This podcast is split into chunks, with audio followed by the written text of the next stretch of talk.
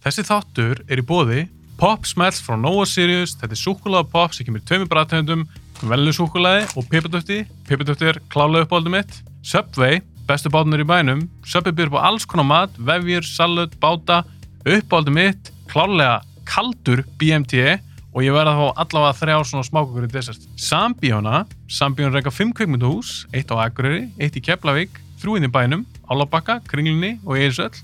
Þið sem hafa hlusta mikið á bíoblæður vitið að Eirsöll er klálega upp á spíóið mitt. Það er ekkert sem toppar staðleitt þar. Ég vil þakka þessum fyrirtækjum kærlega fyrir stuðningin. Ég vil líka þakka ykkur fyrir að horfa að hlusta á bíoblæður. Ef þið viljið styrkja bíoblæður, þá mæli ég með það veslu við þessu frábæri fyrirtæki. Ég vil minna á að bíoblæður er á Instagram, TikTok og Facebook. Endilega fylgjið mig þar.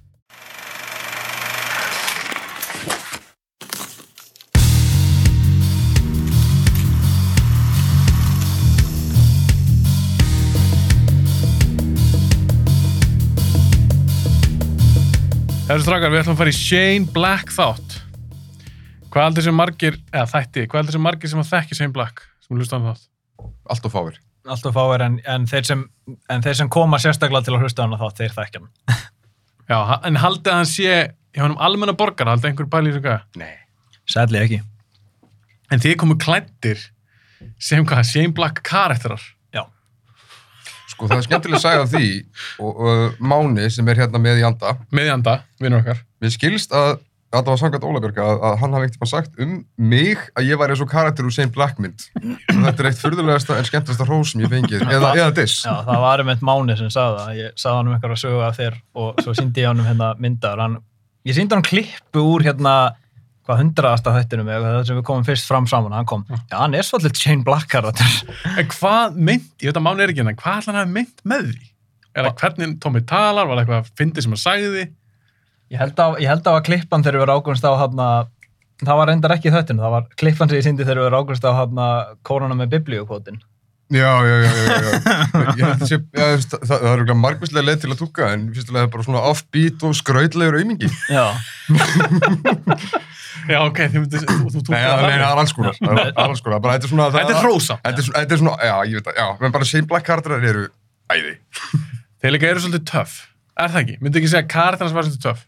jú, þetta er alltaf bara svona þurrir self-deprecating menn, en, en það sem þeir eiga allir samanlettir, þetta eru skemmtir menn en þeir eru bestir í því sem þeir gera og það er það sem gera á góða karaktera. Mm Við ætlum að skipta þessum þætti í tvend, að ég ætla að gera það. Við ætlum að hafa svona að ég veit að þið getur blæðar endalust. Og ég getur blæðar endalust. Og við elskum allir Shane Black. Mm -hmm. Þetta var mjög skemmtilegt. Ég sá fyrir mig að skipta þessu uh, á millið uh, Shane Black handirsöndurins. Ég veit líka hann er þá skrif í dag. En hann er bara síðan meir, þá byrja hann að leikstri líka. Með Kiss Kiss Bang Bang 2005. Þannig að fyrirlutin, það kannski einblíðun aðeins og svo fyrirmyndir sem hann skrifaði og seldi og var bara mjög frægur og ríkur handirsöndur á sín tími Hollywood.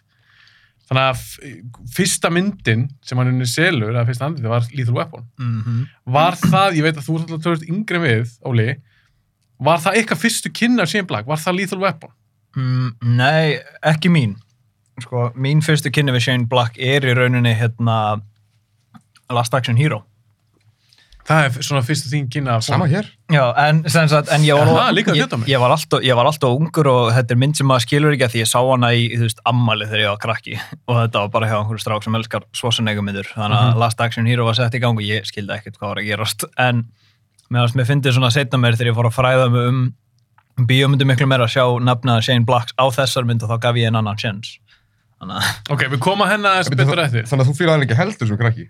að það, hvernig, nei, sko, Það eða, er skildan, já. eða ertu að tala um sem svo fyrstu kynni mín af honum að meðvituða, Já. með, meðvitaðar að þetta er Shane Black eða bara fyrsta myndin sem ég sá frá honum einhvern veginn, með hans DNA. Kannski meira svona að þú fattaði nafnið. Ó, já, já, Ah, þá ok, er, ok, ok. já, ok, það er, hérna, og gott að koma þess inn á eins og talar um að það er eins og við erum að spyrja hvort einhverju þekki til hans. Mhm. Þetta er náttúrulega líka bara svolítið bölvun handritsfundarins, skiljum við. Það er Já. alltaf, það er aldrei nóg mikið kredit til mannana á baku orðana og í þessu tilfelli mannana á baku frasana. Þessi maður er sko, þessi, ef það er einhver frasa fucking kongur í Hollywood og ég, ég er alltaf að velta fyrir mig hvor er betri í því að rífa kjaft með handritu sínum, Shane Black eða Aron Sorkin, ég veit ekki ennþá þetta svar. En þetta er, þú veist, en já, en mín fyrstu kynni á honum þannig sé sem bara, þetta er Shane Black. Mm. Það var þegar ég fór á Kissis Bang Bang í bíó. ég var að segja, þá var það sama mynd Já, er það? Var, en eins og Tóma, þú ert aðeins eldri en Óli. Mm. Var það ekki eins og Long Kiss Goodnight? Bara þú sér hana kannski... Ég held bara, ég hef verið á meðal þeirra sem bara pældi ekkit mikið í höfundunum á þeim tímúti, eða bara svona, Já. eða svona kipt við mig ekki eins mikið upp, eða bara var ekki sjálfur tilbúin fyrir hvað núansarnir í handritunum voru oft clever. Mm. En svo, þú veist, hvað, hvað er í gaman þegar Kissis Bang Bang kemur út? Þú veist, ég er uh, nýskriðin á mentaskóla allur og ég man að hún var, sérst, basically bara kynnt sem, þú veist, frá handriðsöfundi Lethal Weapon. Mm -hmm. Það er svona, já, en þá fór þetta svona make a sense, bara, já, það voru þetta rosalega fyndnir í Last Action Hero, það voru þetta rosalega fyndnir í, hérna, Long, Long Kiss Goodnight sérstaklega, og það, ég held að, ég held að Long Kiss Goodnight hafi verið eina af svona myndir, sem ég sá sem krakki og það er mitt bara svona, af hverju eru allir svona fyndnir? Svona, þú veist, af hverju, af hverju gera allir grína aðstafanum eða svona, eru, eru, þú veist, þeir fór, Shane Black fór að gera líka hluti með díalóknu sinum eins og bara, þú veist, svona Ryan Johnson-lega hluti, áður en að Ryan Johnson fór að gera sem verið að subverta væntingum. Og svipaði raun líka hvernig þið fór setna með mjólkað af gæðum eins og veist, Joss Whedon það sem allir eru svo quippy og skemmtilegur og hressir. Og þú veist, maður hefur séð hvernig verður útgáðan þróst að því en Shane Black er algjörlega eitt svona tegundar þegar það kemur að þessu.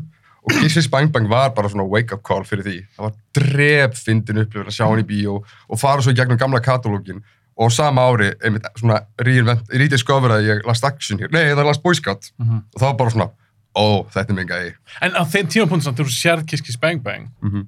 þú varst væntalega búin að sjá samt Last Action Hero, Long Kiss Goodnight. Já, já, og- þúsund prósent sko, ég held ég að þessi Lethal Weapon óþarfilega ungur. Mm. og, og, og, og tók þá serjum margsinnis í gegn á, á spólu, en ég var aldrei bara eitthvað svona, ja, setti dútin hann en það sko aðal púsli sem kom inn í þetta fyrir mig var einmitt Last Boy Scout, ef ég hefði þekkt eins mikið til Last Boy Scout kannski áður, þá hefði ég kannski mögulega, Já, sé ég meira svona DNA-ið sko. Já, ég skilji. En eins og Óli, að því þú ert handursundur sjálfur, Já. kveimði gera maður, og ég lesi dót eftir þig, Mm. og ég hugsaði um fyrst bara þegar ég las þig, bara, "Vá, hann nærlega svona svona capture eitthvað svona Shane Black-esk dialog. Það er stærsta hrós sem ég hef einhvern tíma fengið og mun einhvern tíma fá. Da dagurinn sem við fáum svona Harry Potter-esk myndarama, þá tek ég það, þann par sem þú þetta og ég hengi upp á vegg, bara svo, svo ég geti horta það í friði. Bara, ah. það er verið að líka með guðin. og nota þess. Já. En þá var ég að spyrja þig, að þú ert væntalega búin að stúdera svolítið mikið. Mm -hmm. Hvað gerir hann að svona góðum handursundi? Skemmtilega. það er ekki endilega bara dialogið sem hann semur, eins gott að það er það er bara karakterinn hans sem hann semur sérstaklega á yngri árunum þeir, þeir blæða, þeir eru með veikleika og þetta eru, þetta eru vesalingar á þess að vera aumingjar, það er þetta að kalla það aumingja, þú veist, að sérða það, þú veist, þeir eru svo skotið á Bruce Willis á klubnum í Last Action Hero, hann situr á það með bjór og Last Boy syngur- Scout. Les Boy Scout. Last Boy Scout, hvað sagði ég? Last Action Hero. Úps, það heita báðar en, en, en síðan kemur svona moment þar sem þú veist, þeir eru allir svo góðir í sínu fæ en þeir eru, það sem kjarnin á Shane Black er er að hetjurnar hans eru svona, þetta eru action hetjur þetta eru svona, alveg þessi getur lumbra öllum lumbra öllum, allt það, en þeir eru rosalega berskjaldaðir, þeir eru ekki með veist, þeir eru ekki með body armor bæði physically og mentally, þeir eru rosalega brotnir einstaklingar eins og við kynnumst Riggs í náttúrulega hérna, Lethal Weapon. Lethal Weapon. Og hann er við það að skjóta sig. Hann er bara hann í sjálfsmós, hann er bókstæði sjálfsmós huglega. en hann er svo góð lögga. Og líka sko bara með sko, ef það er eitthvað sem ég man vel eftir að vera svo 80s bad sem ólst upp mjög mikið og byrja að kynna svona bíóupplöðum í massavís á 90s tímanum það var allt ruknandi í buddy cop myndum Mhm. og mér magna sko hvað Shane Black var í góðu geimi þegar hann var mjög svona snemma fann í rauninni að já, hann fór að svona setja svona content í þessa myndi sem þótti ekkit rosalega mikið svona í tísku þá eins og, Eins og þarna- Já, til dæmis eins og, eins og, eins og Óli kemur inn á með, þú veist, venjulega í svona myndum er, veist, allir gæ- gæðinir með sitt shit together, þeir eru töffarar en að, en að taka inn prospektið að vera með meingallaðan, protagonista, eða einmitt hasasögu hetju og hafa hann, þú veist, self-deprecating eða vera með hann, það er þessi mannlegu elementa sem koma hann inn og svona litlu touchin í karakterunum sem að blæða hann og líka einmitt þegar kemur þessi subversion dæmi eitt sem ég elska við Shane Black handritin er að þú heldur að sequencein er að fara hingað en þá bara svona snar skransar og þeir í hináttina. Mhm. Þetta er þetta Ryan Johnson syndrom og allt þetta sem að ma- maður er svona, djúvel er hann góður hann kom bókstala bara í cop formúlinni af stað með Lethal Weapon sem, þú veist, þetta er eiginlega minnst Shane Blacklega myndin, ef svo má segja af þessum öllum og svo fór hann eiginlega sjálfur eiginlega að snú út úr sínum eigin klísjum áður en það fór að vera í tísku sem finnst mér bara, þú veist, case in point er hvað, þú veist uh, Last Action Hero og Last Boy Scout voru stór flopp síns tíma. Og í rauninni Long- Long Kiss Goodnight líka. Þetta var eiginlega bara svona, heimir var ekki ready. Nei. það þurfti allir að vera svona aðeins meira svona, já, svona machismo skilur, þetta var aftur, já, tímabil, buddy cop mynda og Schwarzenegger og Stallone mynda, það sem skilur, það er þú verður að vera naglharður og gallalust töffari, skilur, það er svona Já, það fóð machismo dæmi. Já, það fyndi að hugsa til þess með svarstengi myndirnar og Stallone, þeir eru bara svona veginn svo fullkomnir, mikla Mhm. hasarheitjur svo varstu með Joe Hallenbeck Mhm. Bruce Willis í Les Boy Scout eða eins og myndir Riggs í Lethal Weapon Já. Það sem gerir Joe Hallenbeck með svo góðan karakter er að það heldur örugladdir að þeir væri að fara að fá annan John McClane karakter. En svona John McClane karakter eins og þú veist, eins og hann var það vort setna mér, svona sem action hetja. En málið með til dæmis gæði eins og Joe Hallenbeck, hann er ekki action hetja, hann er bara, það er bara maður hann er bara maður, alveg eins og John McClane í fyrstu dæjarmyndinu, fyrir þetta þú veist, þessi gæði á það ennþá meira erfitt. og þessi gæði er ennþá verið stað en, það, hann en, en það sem gerir Shane Black svona góðan handreitsjöfund er um eitt bara hérna æ, ég týndi þræðinu hvert ég var að fara með þetta að það er, hann er svo ógeðslega sniður í að skrifa payoff Mhm. þar, og þú tókst ekki eftir setupinu mm -hmm. það er það sem gerir ógeðslega það er svo gott hjá hann eins og þarna með þarna brúðuna í hérna Last, Last Boy Scout Mhm. þetta er eitthvað svona, þú bjóst ekki við þessu en þú kvartar ekki undan þessu og bara svona, oh my god, þetta var setup Þú veist, maður Já, þú meina að það er byssa í að það Já, það? er byssa í Já. brúðina, en þegar við sáum stelpana með þessa brúðu fyrst, okkur hefði aldrei dottið það í hug, að þetta er klárlega sett upp fyrir eitthvað, það var engin að það. er líka aldrei neitt skot þar sem við fáum að sjá hana setja byssu í brúðuna þetta er bara maður fær að leggja þetta saman og veist, eins og með hérna, hérna eldspýturnar í Long Kiss Goodnight, þetta er, þetta er briljant, þetta er bara, þetta er bara kryddað í byrjun og síðan er liftið sem svona síja og, en ég ætla að svara hérna sem þið voru að tala um á hann að því með dattið í höfn, ég vildi ekki stoppa Tóma með hann og voru róleg, þú varst að tala um hvað er betri að skrifa rifrildi og svona og svoleiðis Nei, dialog bara, handrutir yfir kjátt handleitir yfirgjátt, Shane Black er Aaron Sorkin. Það í rauninni skiptir ekki máli því Shane Black vinnur alltaf Ah. út af einni ástæðu. Það, sama hver er að fara að vinna rifrildi Shane Black karakterin er að fara að kýla Aaron Sorkin karakterin í er já En hvað er betra að skrifa dialog? Aron Sorkin eða Shane Black? uh, sko, mér, ég verð að segja sko, að, á punktum Shane Black, að því hann er ekki oftast mjög seimi, Sorkin endurnotar oft sum dialogin frá sér sem er náttúrulega ekkert að, en vandamálu við Aaron Sorkin, eini gallar hans í rauninni er að allir karakter hans eru gáfaðasti maðurinn í herbygginu Já, já, já, ég skilji. Þú veist, eins og þegar Steve Jobs og hérna, Wozniak er að rífast í hérna, hérna, Steve Jobs myndinni eða í Social Network, veist, það eru allir í Social Network bara með bara Og líka, 120 já, orðafærnin í, í, í sorkin díalóg þess að allir eru með ótrúlegasta bara já, svona range af orðaforða og IQ bara through the roof. En að samanskapið með Shane Black karaktera þú veist, þeir eru einhvern veginn svona þeir vita alltaf hvernig á að koma comebackin og þetta meiri sér blæðir yfir í minjónana þess Já. að þeir eru stundu farin að vera veginn eins og svona karikatúrar og bara skrýpafígurur sem er svo Mm. skemmtilegu kontrast við það að þú ert með yfirleitt þetta er svo, ekki slísi kannski en þetta er svo suppuleg þetta er svona suppuleg líf sem eh, Shane Black karakter oft svona eru embodyaðar af og ég veldi fyrir mér sko fyrir, á þeim tíma hvort að þeir þóttu kannski bara of unlikable eða eitthvað, skilju, það, var, það er oft svona big issue fyrir Hollywood-myndir, æ, mér líkar ekki nógu við hann, hann er ekki svona eins, eins, og kom, svona eins knúsa, knúsalegur og, og John, John McClane. Að meðan Hallabeck er, þú veist, mér finnst hann allan daginn meira interesting karakter en og Það er svo skilju, meira interesting. me, ég elska Joe Hallenbeck, hann er eiginlega mi- einn af mínum tíu uppáhalds bíó-karakterum í heiminum. Já, bara ever. hann, Ever. hann er the ultimate neo-noir karakter. Þetta er, þetta er besti neo-noir karakter sem hefur verið settur á blað og Hann- bara hann enginn svo- talar um þetta. hann nennir svo ekki að gera þetta. Hann veit að hann er klár.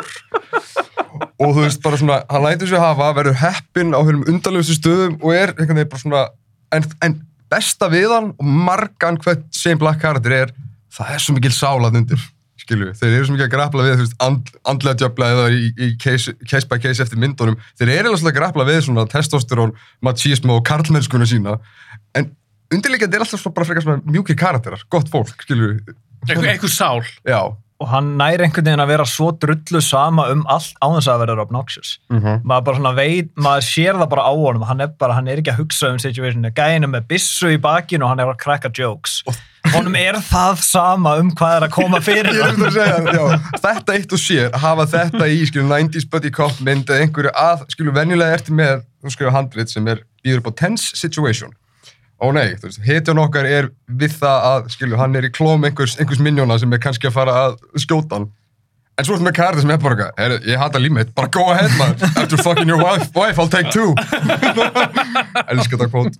Það er geggja. Ok, bakast þetta aðeins, fyrir maður aðeins meira í last bóðskátt eftir. Ok. Mér langar aðeins að spyrja út um Lethal Weapon. Mm. Ég mun setna mér gera alveg sér Lethal Weapon þátt, mér þykir rosa vænt um þessu serju. Mm. En fyrsta myndin, ég, ég var aðeins að lesa mér til um þetta í gerð, ég myndi ekki alveg hvað hann hefur verið gamall þegar hann seldi handið, Mhm. hann sé blag. Hann er 23 ára. Já, ég hata hann. Já. Hann er 23 ára. Ég hata hann svo mikið út af þessu. Þegar hann selur Lethal Weapon, handriði, Fyrir alveg 250.000 dollara. já, á þeim tím, ég menn það er mikið í dag, hvað þá 87. Finnst ykkur Lethal Weapon, bara nummer eitt, finnst ykkur það var góð mynd? Mm. Ok, já. Já, ok, þeir sáttu með hana. Tómi kom aðeins inn á, hún er kannski minnst svona Shane Black-leg, Mm. en finnst ykkur, finna, finnst ykkur þið finna fyrir þessu ung, svona ungu gauð sem skrifa hana? Nei, maður ma myndi með talda að þetta væri eldri gæja, en samt þetta er svona, ég, ég skil samt yngdina komandi frá því þetta er hann er að reyna að skrifa eldri menn sem haga sér stundum svolítið eins og börn. Fattarðu? Og krakkarnir er alltaf klárustu karakterinn Ég- líka. Hann var algjörðu krakki bara sjálf. Já, það er alltaf bara make a sense, en þetta er svona, hvað gerist þegar 23 ára gammal gæði sem er búin að horfa hellinga svona actionmyndum og lifur á bókunum hans Raymond Chandler og Elmore Leonard, hvað gerist þegar hann skrifa löggumynd? Þetta er svolítið bonkers. Þetta er mjög öðruvísi, þetta er svona, er þetta í stíl við það sem þetta á að vera, alveg sjör, en þetta er svo ógeðslega öðruvísi á besta háttin og það er alltaf einhverju lethal weapon springur svona. Það eina sem ég hef, það eina græp sem ég hef við Lethal Weapon er í rauninni bara að það hefði þurft visually sterkari leikstjóra. Mhm. Það er sko, eitt, eitt sem ég endilega uh, segi til að svara þessu sérstaklega er, og, og sérstaklega ef maður, ef maður myndi spyrja sig, af hverju þetta handið, af hverju sprakk þetta svona, af hverju hjólaði Richard Donner og sagði ég vil gera þessa mynd. Mhm. Sko, nú veit ég ekki, eh, hafi einhvern veginn lesið handrit eftir Shane Black? Ó, já. Tók einhvern veginn tímbila sem bara hafi lesið Ég, handrit? ég las eitthvað eftir hann. Ertu ertu að tala um að því að hann talar svo mikið við lesendan? Ertu að tala Nei, um nei, hvernig- bara, bara handritsformið, skilur, það leka oft handrit á neti, hægur og vinstri. Mhm. Ég las alveg í þaular hvert Shane Black handrit sem ég gætt myndið. Þetta er hilarious lestur hverju sinni, bursið frá því hvernig myndin kemur út. Hann skemmti lesandarum, hann er ekkert með þetta típiska svona þurra format, Mhm. þú lítur að vera samanlega þessu. Hann er að það, sko, hann er að, hann veit, hann vil skemmta þér og fokki þér og með, með úr að lesa þetta og hann gerir bara ógeðslega juicy handrit. Og sem þóttur alltaf bara unheard of á þessum tíma og, og Richard Donner algjörlega samanlega, eftir, skilju, Omen, Superman, þá fór hérna basically Richard Donner að vera rosalega svona cookie cutter point and shoot, eins og hann segir. Þetta er svona, svona ja, workmanlike, hann kann að gera bíómynd, hann kann að fá góða leikara en svo best sem ég veit líka þá var Donner svolítið svona, ok, þetta handrit er allt of edgy, það verður að raka af því Mhm. orginal Lethal Weapon handritið, það er crazy Já, eins og hérna, í hérna hjá þessi eru að selja jólatrén Já. þegar fucking hérna Mel Gibson skítugæðin hann með haglabissuna og, læt, og lætur að skjóta hvern annan. Já, í handritinu þá fór andlitið af gæðanum af. Það Já, bara- er, er, er, er að tala um hún er meira, hún, er óbelðsfildri. Já. bara meira edgy, meiri kjafturinn og eiginlega meira í líkingu við það sem setna mér var Last Boy Scout Mm. Ég fæ svolítið þegar ég horf á Last Boy Scout bara svona, þetta er Lethal Weapon myndin eins og Shane Black vildana Er Lethal Weapon 1, er þetta safe mynd? ekki á þeim tíma. Hún er mik mikilvæg, þú veist, það er svona mikil mikilvæg stóður, kom alltaf á stað eins og við vitum þrjá, þú veist, þreimur miljónum buddy cop myndum og alls konar tökum og klísjum gá okkur eitthvað, já en nei, ég ætla ekki að segja hún sem safe. En alltaf, ef horfum í dag hún er alltaf, þú hugsa bara, vá, hvað þetta er formúlikent og klísjukent as fuck. Það er bara að ræna svo miklu úr henni. ætli, ætli, ætli, dótturinn verið rænt í endan og, svo, á, hann, stutt í eftirlaun. En fólk verður að muna það að þetta var ekkert eins sjálfsagt á þeim tíma skilur, þetta var svona, það hefði verið að playa við alls konar tróp sem, þú veist, já, Shane Black kom að inn til að fokka í basically svona venjulegum hasarmynda conventions á þeim tíma, eins og hann líka kemur inn á með að nota gamla svona detective noir skáldsögur sem inspo og síðan kemur kjaftur núna það, þannig að þú veist, það að Lethal Weapon var til og komur á kortið, það kemur ekki með neina móti óvart. Þannig að safe, nei, ég myndi ekki segja það. En hvað sem góða punkt, Óli, þú varst að tala um að kannski þurft svona, hvað meira visual leikstjóra, meira, meira, meira sterkari, bara vis- visually sterkari leikstur eins og þú veist ástæðan af hverju The Last Boy Scout lítur út og, og fílar eins og hvernig Lethal Weapon myndi ætti að vera er að því Tony Scott er rosalega visually sterkur leiktur, þetta er, svona, alveg, þetta er klárlega mynd eftir Tony Scott Bara stark, góður samanbyrju væri Beverly Hills Cop, Beverly Hills Cop 2. Þú sér að það er leikstjóri sem gerir nummið 2 og það er Tony Scott í mitt. Og bara, þetta munar, sko. Tony Scott hefði bara átt að vera leikstur í Lethal Weapon í rauninni af því hann, hann nær Shane Black svo vel en, en Tony Scott er svona nákvæmlega eins og hérna hann er svolítið svona Gore Verbinski sinns tíma fyrir þetta Mm. aðeins meiri rockstjarna hann er með svo ógeðslega sterk tök á myndinu sem hann er að gera Já. að því Top Gun er rosalega Tony Scott en, en líka hérna hvað er hinn myndin? Ah, Thunder, hérna, ah, ekki, Days ekki, ekki, Days of Days, Thunder, ekki, takk, já. ekki Days of Thunder, það var hérna ég er alveg True Romance. True Romance, thank you þú veist að því, þetta er, þetta er einhvern veginn tvær sikkur myndir eftir sama leikstjórun fattur en, en það er bara, hann er með svo ógeðslega stert grasp á efninu að þið myndi ekki detta það í hug strax. Og mjög góð punktur með þetta að þú veist, líka við Verbinski, sem var mikið með brúkkamur eitt sem ég dyrka finnst fellega valmetið við Tony Scott og ég verði alveg að segja eftir miklu umhugsun hann er minn uppáhald Scott af þeim að- frá bróðu sinum og því að hann sko hann gerði hluti, sko hann skilur þau koma báður úr músikvídeó og auglýsingabakgrunum, en, en Tony Scott gerði visual flourishes sem algjörlega setna mér gá sem, sem bara eru svo sem fái gera sér grein fyrir því að voru huge. Ke- svo dæmi þar er að basically Tony Scott fór að gera Michael Bay myndir, áður að Michael Bay var thing en svo þegar Michael Bayismin er að yfirtaka Hollywood þá kemur Tony Scott bara, hæri, fokkið ykkur, ég ætla að fara í þess átt og ég ætla að gera veist, það sem að setja mér fór að verða þannig að Beat the Devil og Domino og Man on Fire. Hann er alltaf svona að, að evolvera og uppa svona stílbröðin og vera meira experimental sem svo allir fara að stela Og þú veist, þannig að Er Tony Scott vannmyndi leiksturi? Já. Það kom bara svipur og óla, hann bara... og spóið eigi bara þessar, þessar neglur sko það er Last Boy Scout hvað er 91, mm -hmm. hvað mynd gerði hann eftir það? True Romance, pældi ég að þessar myndir back to back á ferlininum og þær báðu, báðar underperformuðu og voru gláðu sín tíma bara svona, eða þetta er alltaf læg og líka rétt eftir Top Gun bara Hvernig ertu bæðið Lískop 2? Hann gerir hann alltaf. Hvernig er hann munnað? hún er enda Top Gun, það hlýtur að vera er- Top Gun eitthvað 87. Top Gun er 86 Beverly Hills Cop er 84 er ekki Beverly Hills Cop 2 þá 87 eða 8 90. Má, eiginlega. Ok, þetta þessi tímabili, þetta er alltaf helviti góða myndi sem hann er að koma með. Þannig að þú vilt meina það ekki skjólið, þú varst að tala með hennar leikstjóra, bara Richard Donner. Hann har alveg gert marga flotta Já, já. myndir og góða myndir. það er ekkert að nokka manni niður En sko. en gæðin sem að skilju, þú horfur á Lethal Weapon og horfur á The Omen þetta virkar ekki svo saman kvikmyndagermar Omen er alveg, sko, alveg ángandi af svona atmói og visual flourishing og ég meina Superman líka svo bara, veit ekki, kannski eins og, eins og við vorum að ræða í bílnum, bara kannski eftir Goonies var hann bara eitthvað svona a- a- Ég er bara að pæla, er hann það, var hann betur, var hann be betri að gera hryllingsmynd? Svona ómen? Mm. Heldur hann svona buddy cop hasa mynd? það er bara meira hann hafði hann var, hann var klárlega bara með sterkari tök á því sem hann var að gera áður en síðan, að því Superman er passion projectið hans og síðan gera hann myndir svo því Omen á, á, undan segja þetta er svona, þú ert með alveg sterkan leiksjur þarna, þarna er kvikmyndagerumæðurinn en síðan allt í ertu komið með eftir Goonies, þá er Richard Donner hann er alveg pínu edgy með Lethal Weapon en, hún virkar samt einhvern veginn eins og það sé einhver að segja að þetta, að má svona aðeins bæla þetta niður. Það má fela ofbeldi aðeins eða eitthvað mm og mér finnst það svo leiðilt að því ég þól ekki þegar góðir leikstjórar verða svona point and shoot, það sem þetta er bara að myndavælun á að það því þeir vita hvað myndavælun á að vera þeir vita hvernig flott skota á að vera, en það vantar það vantar umfið, það vantar momentumið þetta er bara svona, ó, myndavælun er þarna Þetta gerist líka mm. oft þegar ákveðin leikstur er detti í það vera bara, já ég veit ég er frábær, mynda mín er, er successful. Alla Mm. Lethal Weapon það gengur vel, skilur meira þess að Conspiracy þeirri gekk ábygglega mjög vel á sín tíma, Lady Hawk, mann ekki að uh, genið ekki Maverick líka? Jú, ég, ég er svona Skilur, elskar maður. já, hún er skemmtileg, en skilur, hann svona, þú veist, þetta er, ah, þetta er smá fluff, skilur. Hann er ekki eins og þessi, hann er ekki Tony Scott. Nei. Nei. hann kann ekki sko, þú veist, stund meiri líka bara svona, svona, ég veit ekki, ungmanna passionið, kannski var hann bara meira svona, Já, það var bara í nýjungar þegar hann kemur hérna out of the gate og síðan fer svo yfir í Omen og, og Superman og þetta og svo bara einhvern veginn mögulega, en, en eins og segi, Lethal Weapon mynda virka fyrir það sem þær eru en það er ekki svona eins áþreifaleg kvikmyndagerð sem þú fær Mhm. aukalega með þeim eins og Tony Scott hérna, bæti við, eins og, ég var, ég held að það hafi verið uh, höfundurinn og gaggrindin, hann Sýfur Robert Cargill sem sagði að eftir þegar Tony Scott lést að Tony Scott gerði ekki uh, svona, he didn't make action movies, he made action films Mhm. Já, mér finnst já, það mega já. fullkomið sens Já, já, já, já, ég skil hvað við. En eins og því þarf því það gerir síðan framhaldsmyndir.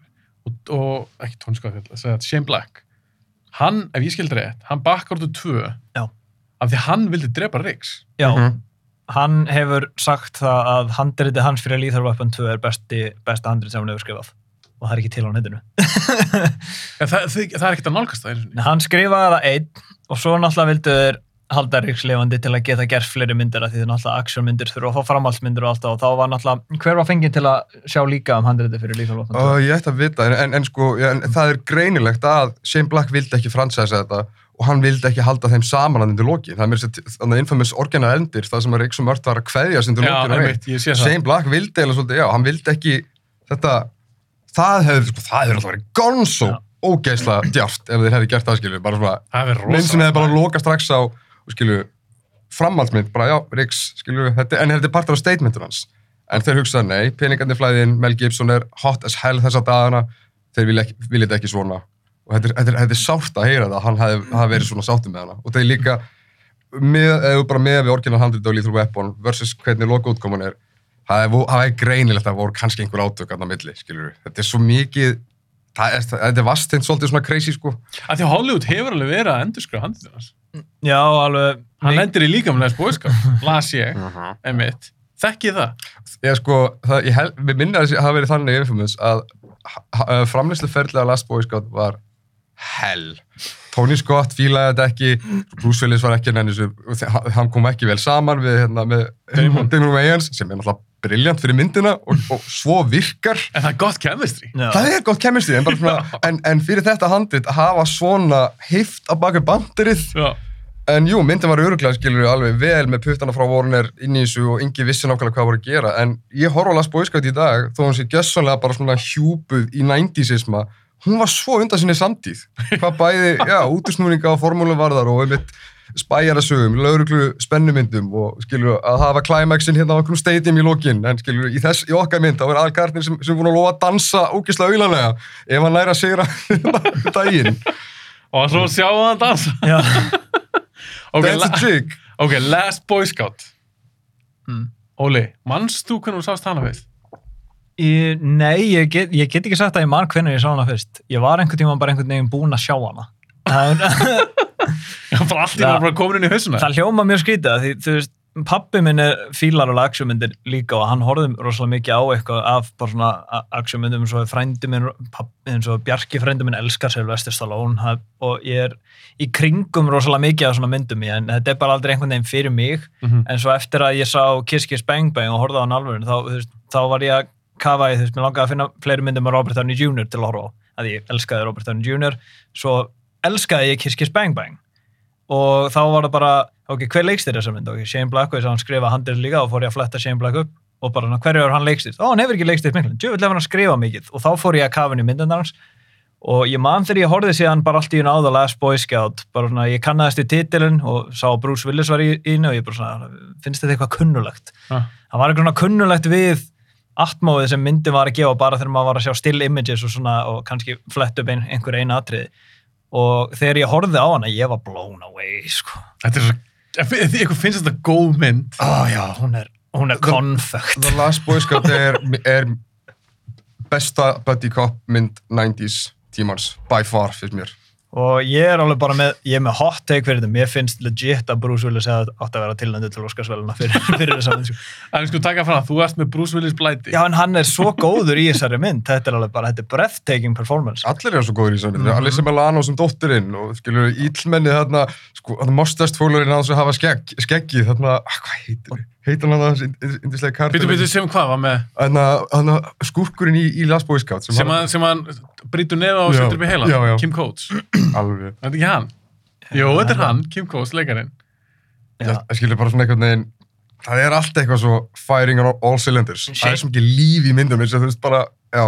Shane Black er líka svo ógæslega góður í að skrifa auka karat Já. Já, hann er allir þeir æðislegur. fá auka karakter fá fókus eins og hann að gúnin hann sem er að benda Biss og Bruce Willis og byrjar að segja, segja svona your mama jokes Já, svart, svartikurinn. Já. Já, sem hann kallar, kallar hann, hann kallar hann pimp. Pimp Já. looking. Uh, Já, þetta var Jú, þetta er ógeðslega að fyndi aðrið How'd you know it was me? Og bara, well he told me it was a big looking pimp og líka, og bara introductionið á Joe Hallenbeck og hérna, og ég elska líka hvað, hvernig myndið byrjar, skilju, þetta er bara Mhm. prima 90s intro, skilju, það er bara amerískur ruðningur og skilju, allt okkur slags svona peppy og fun og fluffy Fáum heilt music video í kreditlistanum og, og svo bara kemur, svo bara sýnir myndin nepp, við erum svolítið dark, skilju, það er bara framið morð á reisastóru fjölmennu stadium svo er kynntu hérna Og hann drepur sig. Já. Ain't life a bitch. Mhm. Skýtur sig. Er það ekki í byrjunni? Jú. Það fyrir ekki það mig, já, halda Nei, nei, nei, það er bara svona, þú sér bara svona, wow, wow, wow, that, that, that took a turn.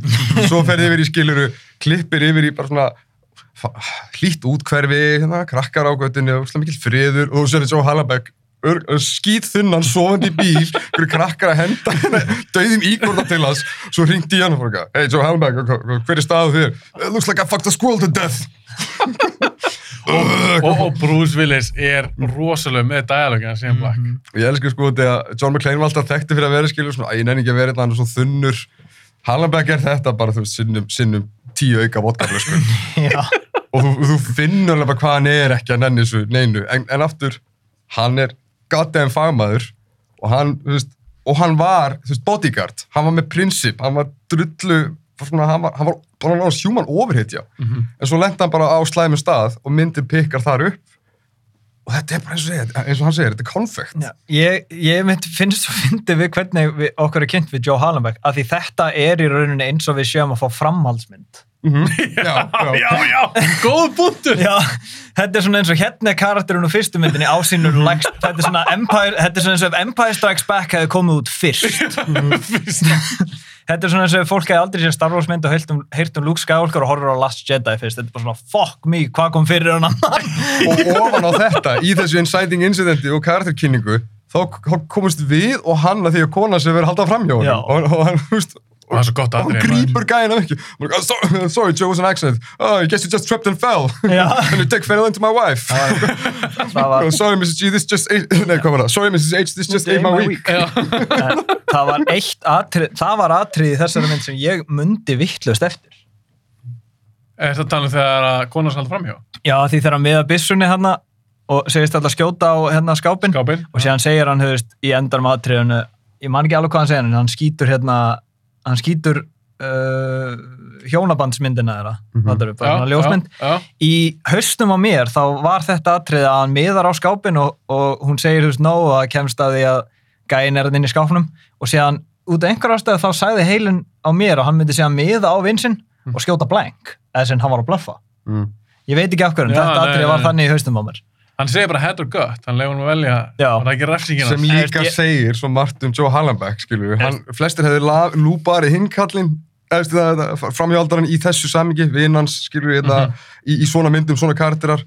En svo tekur hann við jobbinu. Þú veist, hann er á þannig stað, hann verður samt að þykja vinnuna sem hérna vinnur hans var að bjóðum og þetta er sami gaur hann í byrjunni sem það spyrir, hey, hvernig er staðan á þér? 500 bucks is 500 bucks. En það er samt líka svo bríðan að þegar að tala um að hann er rosa klár, hann er, þetta er rosa klár gæi. já Atriðleikustu byggt þannig, hann fattar mm að það sé ykkur inn í skápnum, var ekki af því að það var eitthvað búin að vera sturtu, en hárið hennar var þurrt, Jú, var og ekki klósettsetan var uppi. That's right, you forget, var I'm, you forget I'm a detective Já, en þú veist bara þetta, Já. í þessu litla atriði, þá erum við að fá rosa mjög Mhm. persónskupið. já, þe- já, þess vegna held ég að hann væri ekki með kúlu í byssunni, ég held að hann var að blöffa þau bæði veist, ég, held, Mm. ég held að það væri revíli í endanum atriðun hann miðar á vinsinn og þú veist, hann var að blöffa En svo er líka svo töf, að því eins og þú segir, hann tekur að sér vinnuna.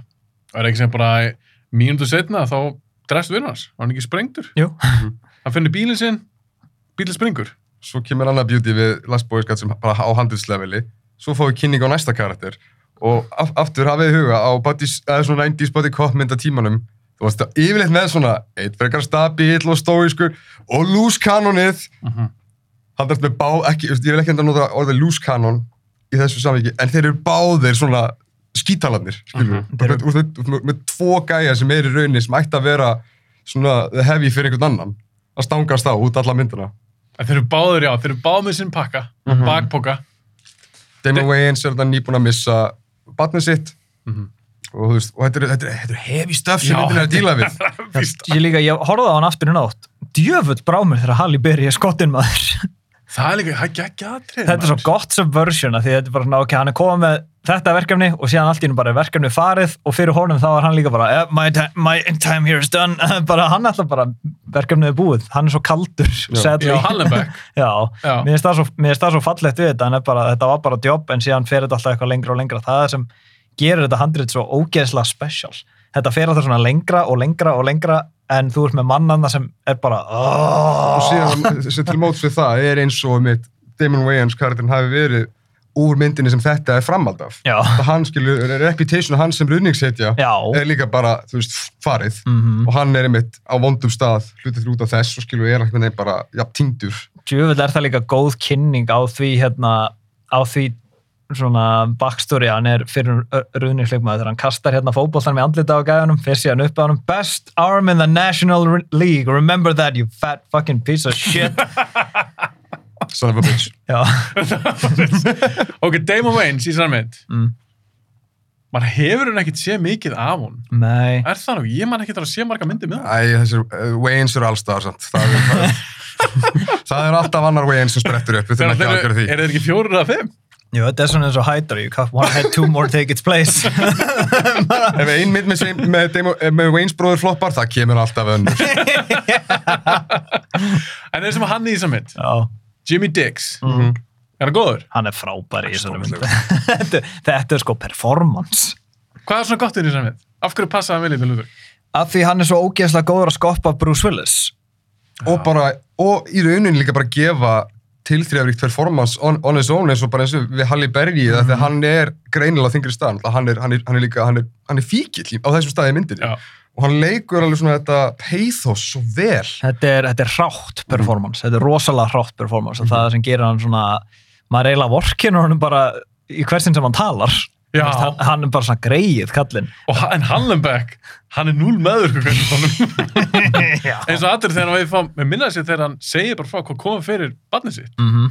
og hann er talað um þetta í Guð og eitthvað Mhm. tengt því að Hallenbeck hlustar á allt svo segir hann bara, ertu búin að vorkina sjálfur? Já, Mm, bara bara, út. já, hann segir bara hurðinni þarna bæða vei það er fucking, það er hart maður. Já, og þetta er einmitt eitthvað sem að skilur svona modern audiences at the time þeir bara svona, þau flinsuður og gleifir skilur þetta er svona, æni hann er alltaf hann likeable gæn er að, hérna, hann er að hella út hjarta sitt skilur og þetta, þeir eiga, þetta á að vera bonding momentið. er bara eins og þeir eru báði skítalandir en, já, en, lí- en líka hann er ekki einu svona að vera að skýta þetta því restina myndinu útskýrir svo vel og meira þess að fyrir af hverju hann er svona. Og hann er búinn að lenda í svo miklu, hann er á botninum hann er, þú veist, hann er undir botninum. Þú veist, James Cameron fór á hafsbotnin og, og lífið hans Hollenbecks var undir því. Þú veist. og það er það sem James Cameron er búin að vera að leita af Hallenbeck og þetta er svo, þess vegna þegar hann segir bara hurðin er á leiðin út, hann er bara, sorry, ég get ekki vorkendur. Af því Hallenbeck er bara, veist, hann býr í bílnum sínum vel og veist, fjölskyldan hans hatar hann. Allt í mólum hann elskar hann þá fyrirvændi konuna síðan sem hatar hann, dóttir hans ljósið í lífin hans hatar hann líka. Og hann elskar Jimmy Dix fótballamannin og hann er hérna núna inn á klósettin hans að, að fá sér kókain og, og koma með einhverja vælusu og hann er bara, oh my god, hvað þið eru öll humuleg en af hverju er þetta svona þetta er svo áhafur kart Mhm. það er svo gaman að horfa á Hallenbeck þetta er að því mörgum í rauninni, ég skil okkur þessi mynd er sterkari í dag að því hún er líka alveg örgulega rosalega sterk í kringum jólin að því fólk á rosalega erfitt og stundum á fólk rosalega erfitt með því að vorkina öðrum að því þau eru að gangi í gegnum sitt eigi sitt sjálf og þeim finnst það leiðilegt en hérna ertu með karakter sem finnst það ekki einu sinni það leiðilegt hann er bara, alveg bara hætt, hætt að vorkina þér það er enda skrítið, þetta er eiginlega eina af fáum sem blackmetin sem er ekki jóla Já. nema það eru, það er, tilvísnar jólin í blá lókin já. En- já, læði spórs, ég var búin að glemja því en, en þe- þetta er um bara svona að það, það eiga allir miservitt og það, stundum get ekki allir tekið þátt í því þú getur komið með þína sáfstöru, þú getur sagt mér líður svona, mér líður svona og þetta hérna shit er búið að gerast við mig og þú verður ekki hugmyndu hvernig mér líður. En þú ert að segja þetta um mann sem þú þekkir ekki heldur fattar hann, já, já, já, hann já. er að segja svo mikið við Joe Hallenbeck og Hallenbeck er bara dude, og strax eftir þetta og, og strax eftir þetta þá komist síðan að því þegar dóttir Hallenbeck fer að tala við Jimmy Diggs hvað Joe leit mikið upp til hans Já, og hann hvað hann hefur henni háu áliti sem Já. segir svo mikið um Hallenbeck fyrir hvernig hann trýta aðstöðunar aðstöðunar frekar heldur en að já, bara þetta er þetta er svo brilljant skrifa Já. þetta við erum búin að, að sjá Já. þetta atriði. Og hann bara, þetta er hurðin, hætti að vorka í sjálfinn Já. svo kemur dóttir hans, Mhm. við fáum að heyra þetta smá backstory, já, hann Bruce Willis, Joe Hallenbeck dyrkaði Jimmy Diggs já, bara ó, þetta er svo gott, ég gæs á en, en svo líka sko bara í, í karðasköpun dótturinnar, þú heldur fyrst að hún sé bara eitthvað, "Ó, ein, ein, típiski eða svona típiska reyða úlingsgelgjan einhvern veginn svona með eitthvað hún talaði við Hallenbeck en svo kemur þessi svona mýkt í gegnum hana hvernig hún svona bondar við, við Jimmy og hvernig hún verður svo setna meir alveg frekar essential partur af þriði aktinum og hvað hún er jafn klár í rauninni skilju og sem kemur einmitt yfir á gegnugangandi þema hjá Shane Black sem er að þú veist, krakkarnir eru oftast klárustu karakterarnir Mhm. En fyndið þessu með hana, því að ég tengi alltaf Last Boy Scout. Fyrst að ef ég hugsa um Bruce Willis, fyrst sem kemur upp í hausunum mér er Hallenbeck. Mhm. Það er ekki John McClane. Og annað, það er þessi stelpa segir í myndinni, og ég tengi alltaf þetta orð, þetta blótsir við hana, það er fuck up. Já. You're such a fuck up. Kalla pappa sem það. Mhm. Og það er líka eitthvað sem að mamman hafi sagt í rauninni við hana, að hún mömmu. Þú veist, það er fullt af eitthvað góðu drama í þessari mynd. Og það sem ég elska líka við Shane Black er hann er rosalega góður í að fyrir gæða sem skrifar bara besta dialog í heiminum, hann er rosalega góður þegar hann segir ekkert. Mm. Mér finnst það svo sniðut að því í, hérna, þegar vinnur hans, hérna, John McGee, hvað sem, fokkhausin heitir, sem sprakk hérna eftir að Mhm. hann helt fram með konun hans. Hérna, það er, lauruglæn er á staðanum alltaf og við lærum það að Hallenbeck sagði þeim ekki að hann hefði verið að sofa hjá konun hans. Og það bara, alveg bara, sagði þeim ekki? Nei, þú veist, og þetta er bara svona wow, hann er í alveg alveg smá góður í sér. Já. alveg, það, það var nóg að vinnur hans er döður, hann vildi ekki henda skömminni yfir á þau bæði að þau eru búin að vera að veist, sofa hjá hvort öðru. Já. og, og það er svo, það er svo s- svona melankólia í því að hann skilur okkur kona sér fram hjá sér. Já. hann er alveg bara svona hann, hann hugsa sjá, sjá, strax bara þetta er út af mér, ég veit það, Mhm, skilur og hann er svo, já, hann er svo það er svo mikið að frétti í þessum gaur Ég elska hann. Mér finnst áherslu samt, Tóma, þú segir að hann sé bara einn af þínum uppáháls. Já, það er bara, Karakter. það er gaman bara, segja, þetta er, þetta er fyrir mig, mér bara, af, af flestu ástæðsögur að nefna, hann er svo mikið bara svona príma action-karakter, Mhm. út af því að hann er einmitt ekki, þú veist, ég elska John McClane, guð, ég fíla John McClane, en þú veist, en það er þetta auka, þetta auka sem að Hallebeck hefur, og það hvað Last Boy Scout er líka bara slikk skemmtileg fucking bíómynd, Já. hún rúlar, alveg til, það er svo gaman að horfa á hann í hópum, Já, hún er svo fyndin, hún er svo gott aksjón, aftur þetta er svona skott, skilur við, betra aksjón í Last Boy Scout heldur en hérna í Lethal Weapon, bara ert bara allt annað skill, skemmtilegt að við erum líka að tala um hann á 30 ára málunu já, kemur alltaf út 91 Já, einmitt. Þó að þessi þáttu komur út í janúar 2022. Já, en það er það, með Hallenbeck, þetta er besti neo-noir karakter einhvern tíma settu niður á blað. Hann er bara, hann er öll trópin á þess að vera tróp. Mhm. Hann er bara fulli myndaður karakter af því, þú veist, hann reykir, hann drekkur, hann er, hann er einmanna, hann á fjölskyldur sem hatar hann og, en það sem gerir hann svo góða neo-noir karakter er að allir neo-noir karakter eiga, eiga það sammeilegt að þeir eiga það erfitt en þeir eru góðir í jobbinu sinu. Og Bruce Willis sem Joe Hallenbeck þá engin maður erfiðara en hann og það er engin jafn klár og gáfaður og góður í sínu fæi og hann er. Hann, hann er, hann er bara besti. Er bara, eins og Tommy sagði hann er eins og mennsk ofurhetja en hann er svo pindur hann, hann er svo tortured að innan En eins og með það, þú talar um að þér er þótt bara Bruce Willis er að skila að fá tilhemningu. Mhm. og það er hann reyndar. Það. En hvað hva kemur Bruce Willis með? Af Því að hann er alltaf á blaði, karakterinn. Mhm. Hvað er hann að koma með? Er þetta bara fullgóð maður í þetta hlutverk? það er bara, hann nær, það eru svipriðin sem hann er með, hann nær að mynda þessa svona þessa ótrúlegu melankólíu sem Hallenbeck er að fara í gegnum að því Bruce Willis hefur alltaf verið rosalega sterkur með að nota röddina sína á réttum tíma og hann er líka með svo sterk svipriði og sérstaklega þegar hann er reyður eða sár. Og Hallenbeck er rosalega sár maður og þú, eins og ég tala um það var skot í þessari mynd á klubnum þar sem hann hérna Damon Wayans sér hann bara sitjandi við borða, hann er að spá hver er þessi gæði sem var að tala við kærastunum sína og hann er bara þarna sitjandi með sígaret uppi sér og bjór hérna og hann er bara hann er alveg búinn á því og ég get ekki séð annar leikara setja þetta upp að því hann er líka með svona bjórvömb og, veist, og fötin hans eru skítu það lítur út eins og sé ekki búin að fara í sturti í tvær vikur En mannstu líka bara hvernig Bruce Willis var á þessum tíma? Það var orka í honum, hann Já. mætti og hann nefndi. Þess, ég, ég var að segja henni mitt off camera sko, hvað, hvað Last Boy Scout og Hudson Hawk eru æðislegt double featured. Mm. -hmm. Það kom út úr svipa leiti. Þarna var Bruce Willis í formi og gýr sem þú sæir aldrei í dag og hefur ekki séð runni síðan mjög sjaldan eftir aldamótin. En veist, hann er bara, hann er til í þetta.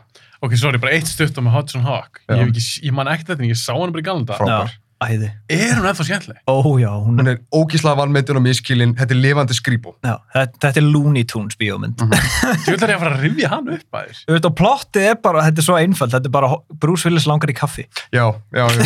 Við við erum erum einmitt að tala um það þú bara í, í samingi handriðskjöðar, hvað þið finnir skilju ef að motivation er bara kartið sem nennir ekki að vera þarna, hann vill bara eitthvað eitt, en þú veist, atbyrðarásin er bara alltaf að koma meira og meira í veg fyrir að hann fái það sem að, þetta litla sem hann vill og í tilfelli Hudson Hawk, hann vill bara cappuccino-bolla. það er eina sem hann vill. Og pluss það sem myndin heldur líka einu minn uppáhaldslínum þegar Andy McDowell spyr, eitthvað, spyr aðal karakterinn, how long were you in prison? Let's just say that I didn't see E.T. Hudson Hawk, ég þarf að reyða henni upp uh, Les Boy Scout, vondukallinir kannski Milo aðalega góð karakter Já, þetta, er, þetta eru svo skemmtilegi karakter. Þú veist, allir karakterin í þessar mynd eru einhvern veginn skemmtilegir. Jafnvel fólki sem átti ekki einu svona halda með. eins og þarna eins og Scrabble-kongurinn sem það lendaði í já, þeir eru æði Orðhefnasti minjón ever. og líka svo skömmuvind á því þegar mitt þögginn kemur að Hallenbeck hann í húsusundi allar að skjóta hann og senan er hann búin að stabilisera fyrir okkur að Hallenbeck er bara með, hann er með dauðósk, hún er drullu sama Drullu sama. og gæðin bara eitthvað, you got a you're real funny for a guy that's about to take a bullet. Og þú veist, svo kemur hann fær hann á, og þá kemur þessi setning að það, "It's fucking your wife, I'll take two. Svo kommer hann í henn og svo bara heldur Hallenbeck áfram hann er bæði að strategisa og hugsa ég ætla aðeins að spila með hann að gæja á scenaríuð og hann færi rauninni þögginn til að vera svolítið með í stemningunni hann sem er bara eitthvað hérna, Ask me how fat she is já, já, hann byrjar að hlæja að Já, djókun á þöggin, Hallenbeck þöggin er fann að hún er með skemmt yfir hvernig Hallenbeck er þannig að þöggarnir allir eru með sitt, sitt þið getur verið með sína þú veist, þeir eru allir með sína eigin bíómyndabaki sem við sáum ekki. Þetta er bara, þetta er svo gott. Eins og ég segi, Last Boy Scout er svona eins og hún er það mikil svona framhaldsmynd að allir auka karakterinu eru eiginlega úr sin eigin mynd. Þetta er svona, þetta er svona eins og svona, svona cinematic universe og þetta var lokamyndin. Það er bara Vá, ég hef aldrei pælt í þessu. Það þetta virkar næstu bara sem framhaldsmynd. Mhm. það Þetta er rosa góð punktur. Þetta er framhaldsmynd af svona tíu myndir sem er ekki til. Það er bara svo mikið að backstory hjá hverjum einasta manni eins og þarna- og business tycoonun og allt það. Svona, það alone getur verið sín eigin bíum um, um svikamálun í fótboltanum og, Já. hana, og, og kúrikan hann Mhm. og þetta er bara svona hvernig er þessi mynd að drukna í svona miklu svona miklu story? Þetta er svo mikið worldbuilding, þetta er svo mikið lore en þetta er ein bíómynd, hún er ein og sér. Og þetta er líka eitthvað svona á, á blaði Buddy Cop hasamind sem kannski á ekkert að vera það hún virkar ógslag disposable mitt. Já. þetta er bara þú veist, og, og, og það eru ástofnum margir og hún fór framjá mörgum á þeim tíma. Kannski voru einhverju bara, "Nei, ekki önnu Bruce Willis mynd eftir Hudson Hawk sem hoppaði líka. Eða þú veist, eða kannski var bara of mikið af þessu, eða, þú veist, eða þetta var óréttilega séð sem, sem var hottið var sem svona Lethal Weapon knockoff. Mhm. á meðan skilur Black var alveg í, hann var alltaf og hefur alltaf verið að uppa sig ef það er eitthvað sem má ekki taka frá Black er að þú veist, hann, hann, jú, hann kannski sveipa á sorgirreitar, svona stelur pínu frá sér svolítið mikið, en hann er alltaf, finnur alltaf, hann er meira og meira að segja eitthvað, án svo þú fattir endilega að hann er að segja það. Mhm. Við komum meira að því þegar við erum komin í hérna, leikstjórumyndunar. Mhm. Ok, með Last Boy Scout Þetta er klálega Shane Black mynd, ég veit að leikstur ekki en þú, þú, þið finna alveg, þið heyra á dialoginu frasarnir, brandararnir, karakterarnir. Þetta er frasa hasamitt. frasarnir Þetta er Shane Black mynd. Og eiginlega, frasars þetta er eiginlega... Ó, ég, ég kveikti ekki strax. Þetta er, er, er, er þetta nýtt genre bara svo þú komið núna? Frasar, þetta er frasarmynd frasar er það fyrst þér En hún er drullu fyndi I to tell you, bomb means fuck you in Polish. og þú veist, þetta er bara, já, hún er, hún er geggjuð og hún er eiginlega næstu því. Það er alltaf, svolítið svona, er alltaf þrjár myndir að keppast um þann titil. Þetta er eiginlega ultimate Shane Black myndi fyrir mig, sko. En mér finnst alltaf interchangeable. já, já, svona, ef ég sé, ef ég, ef svona gateway myndin ef ég myndi segja einhverjum, er, ef þú vilt fá svolítið svona glims af því hvernig þessi gæi er, tjekka á þessari, skilur Mhm. En þekkið þið eitthvað, því ég las bara ég, ég las bara á IMDb, bara svona trivia. Kannski eitthvað kæftæði en að hann hefði skrifað handrit sérst, Les Boy Scout handritið upprúlega það var meira brútal, það var meira edgy sjokk og þar var, með, þar var Milo vís bara eitthvað svona snuff filmmaker líka on the side Það og, kemur ekki á óvart. Shane. Black er mikið fyrir að krifja hérna, og setja svona nýtt ljós á, á, á, á klámiðnaðin. En við komum líka að því. Seinna. það er allt í þessum döm þáttum hjá okkur en mér varst það bara svo áhugavert að ég hugsaði með mér vá, hva, hvernig mynd hefði það verið? Þetta hefur aldrei spáðið hvað Shane Black hefur mikið áhuga á klámiðinanum og svolítið svona að eitthvað svona humanæsa klámstjörnur og hvernig það vefst alltaf í eitthvað stærra. Hvernig byrjar Lethal Weapon klámstjarna sem deyr sem, sem fremur sjálfbár, já? hvernig byrjar The Nice Guys en er það ekki bara Klámstjörna það sem deyr en er það ekki basically bara það tveir og svo ertu og líka greinilega orginal handritið. en svo ertu, en svo ertu líka, svo ertu líka með Kiss Kiss Bang Bang Ég tjók, já. já, já, hún kannski byrjar ekki svoleiðis en, en plottið er um það Og eitt sem ég elska líka við má- það er fínt að minnast á það. eftir að svo marga myndir og svo marga leikstjórar, allir sem gera vel að, skilur við, tökum Michael Mann sem dæmi engin kvikmyndar LA eins og Michael Mann á- á á næt- að nætulegi Mhm. engin er að glorifæra, eða fá hann á að glorifæra góða Hollywood 60s, skilur í, í LA eins og Tarantino eða fleiri Shane Black hatar LA og þú finnur fyrir því þetta er svo mikill saur pittur fyrir honum og ég elska hvernig hann er alltaf að konveja að þetta er bara, þetta er ógeðslegur ass staður Mhm. Það er þar geggjaða punktur. En hann selur þess handrið að Les Boy Scout á sín tíma Mhm. fyrir alveg held ég miljón dólar jafnvel aðeins meira. Var það ekki Long Kiss Goodnight? Nei, það var fjórar. Það var fjórar Fjórar, já, já, já. Og hann, ég las eitthvað viðtalum að hann hefði sagði að þeim tíma margir handriðsöndar voru bara umsíkur út í það. Já, þeir, ég, Já. ég elska það, ég, ég lífi á þessu kvóti sem hann sagði það því að hann var að tala um að vinnir hans voru farin að segja að hann væri sell-out fyrir þetta og eitthvað blá og Mhm. þeir voru brjálar út í hann og hann, hann sagði hann sagði Well, you know, what am I gonna do? Say no to four million, million dollars? I'll just go, no, no, I'll take a hundred thou, please. eins og einhver myndi gera Ná, það. já, þú ert aldrei að fara að segja nei við fjórum miljón dólar og beint í vasaðin fyrir eitthvað sem þú skrifaður. Líka ef ég var, ef ég var handriðsöfundur í, í, í svona sama starfsumhverfu og hann og ég sæi hvernig hann, hversu skemmtilega hann skrifar handritin, ég væri öfinsjúkur. hann er bara, hann er, hann er algjör leitt sinna degundar, sko. Já, en hann áttu við sína djöfla Mm. að stríða en það er kannski kemur aðeins setna, aðeins eftir. Það kemur engum á óvart sem er hort að segja Black Mirror. Ég var að hugsa bara svona, þessu manni líður ekki vel. Nei, Svo við að hlæja. Já. Nei, þetta er svona eins og þegar maður les að Alan Moore var að fara í gegnum þunglindi þegar hann skrifaði Watchmen. Já, no shit! þetta er the bleakest fucking thing. Það er bara engin hamingu sem er í þessari sögu. Lars von Trier, hvernig hefur það?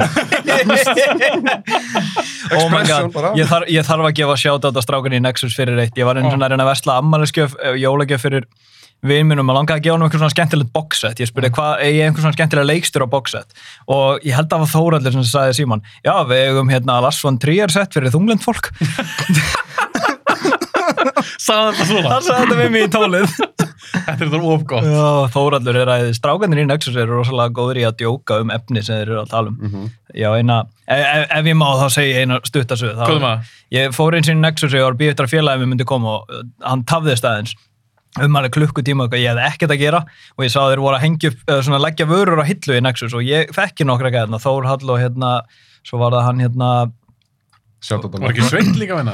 jú Svenni og, Svenni, Gísli, Vignir, Já. bara allir ástís, allir indislillið. Mhm. og ég hérna, ég spurði hérna hann Jón hann að Geir. Jón Geir, takk fyrir, nöfn eru farin að dettur út um að við spurði, þú veist, hérna, mætti ég kannski veist, þurfið hjálp, þannig ég fekk svona hluti til að setja upp á hillur bara, ég var alltaf inn farin að vinna í Nexus fyrir frýtt, þetta var þegar þeir voru hérna á, hérna, Garðskötunni.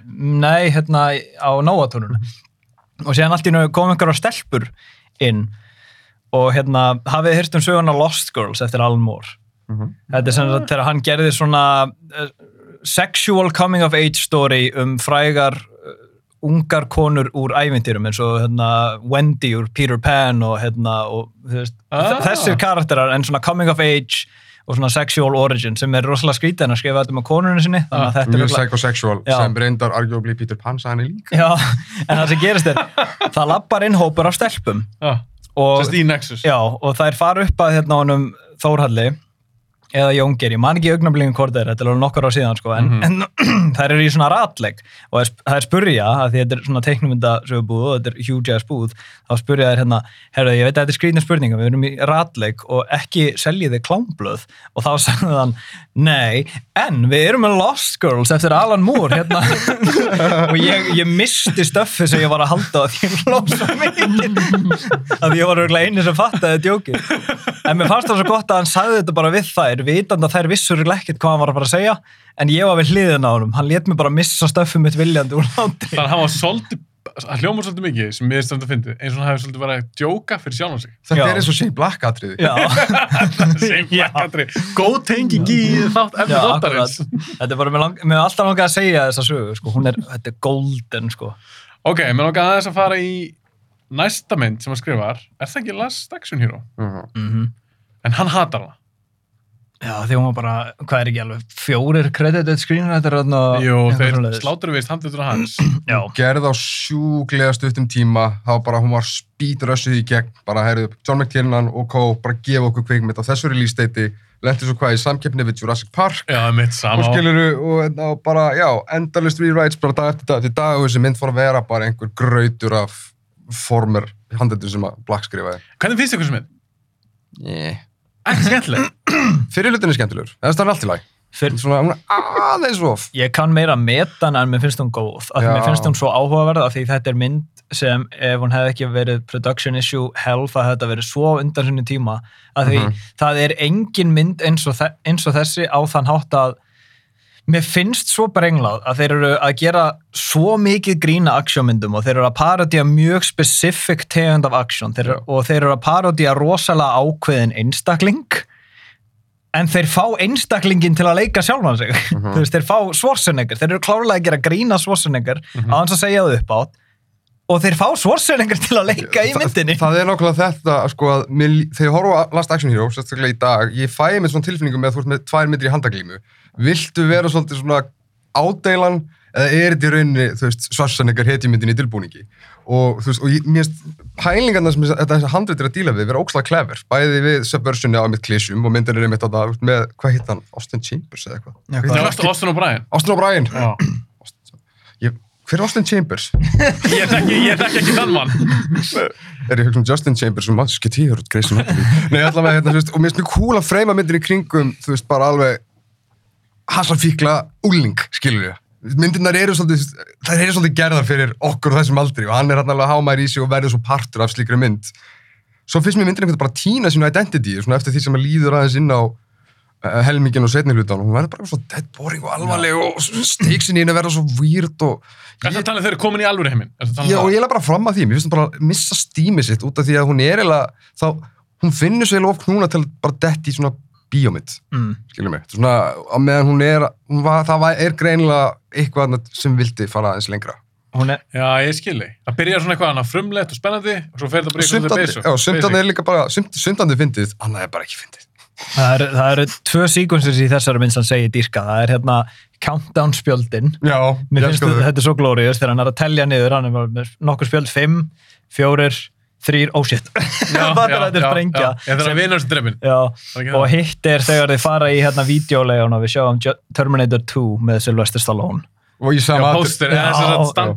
að þarna, mér finnst Og- briljant. sama atriði, og ég held að þetta, jú, þetta var definitely myndi sem að vakti það til vitundar hjá mér. Þegar hann, þegar hann segir, hei, hvað er símanúmerið þitt? Hei, hvað er símanúmerið þitt? og þá kemur áherslu á þetta 555 dæmi. Já. Og þá, þú veist, Og fyrir þá sem það ekki þá er Já. það notað í bandarskum bíómyndum að þetta er ekki til í alveg. Já, Nákvæmlega. Og þetta er gert til að koma í veg fyrir að þú óvart hringir í einhvern sem gæti haft samskona númer. Já, já. Sem ég fyndi eins og þetta virkar fullkomlega fyrir íslensk númer. Já, já. Svo- algjörlega, algjörlega. Það er, mér finnst hún mjög skemmtileg þessi mynd. mm. Er þetta best mynd sem ég sé? Nei, ég sé hann því í tíu ára. Ég fór mér svo sama dag og fór ég á Jurassic Park og Last Action Hero. Mm. Vá. Tekið mjög vænt um þennan dag. Þannig að, já, tíu ára. Ég hefði vikslað rauðinni. Ég, ég sá Jurassic Park fyrst og svo Last Action Hero, minnum hann röglega. En á þessum tíma, á þessum tíma var ég tíu ára, hún fjallar um strák sem fer inn í Schwarzenegger mynd. Mm Það er ekkert erfitt að selja barnið það. Ég var sem mynd í dag, það eru punkturinn sem ég elska. Ég elska Charles Dance í mynd. já. Mér finnst hann ógeðslega skemmtileg móndukar. Mér finnst það að vera rosa mikið sem blakkar. Þú veist, það, bara, það versta við Last Action Hero er það er ekki eins og nægt að kalla hana heilalösa skemmtun af því það er alveg heilaðan í byrjun Mér finnst það reyndar mjög unexplorað. Þú veit, ég finnst það dýnamist koncept að þú ert með skúrk úr bíómynd sem fær svo upplöður raunveruleikan. Ég hef viljað miklu meira því að það er, það er, það er svo djúsi Það hann eitthvað, ég skaut mann! Já, hvað er hann, er leið, eða ekki? jú, Jú, þetta, þetta. Já. Löggan kom ekki og hann er alltaf vanið að löggan komi strax. þetta er bara, þetta er The Purple Rose of Cairo ef hún væri action Mm, vá, já, það er rétt.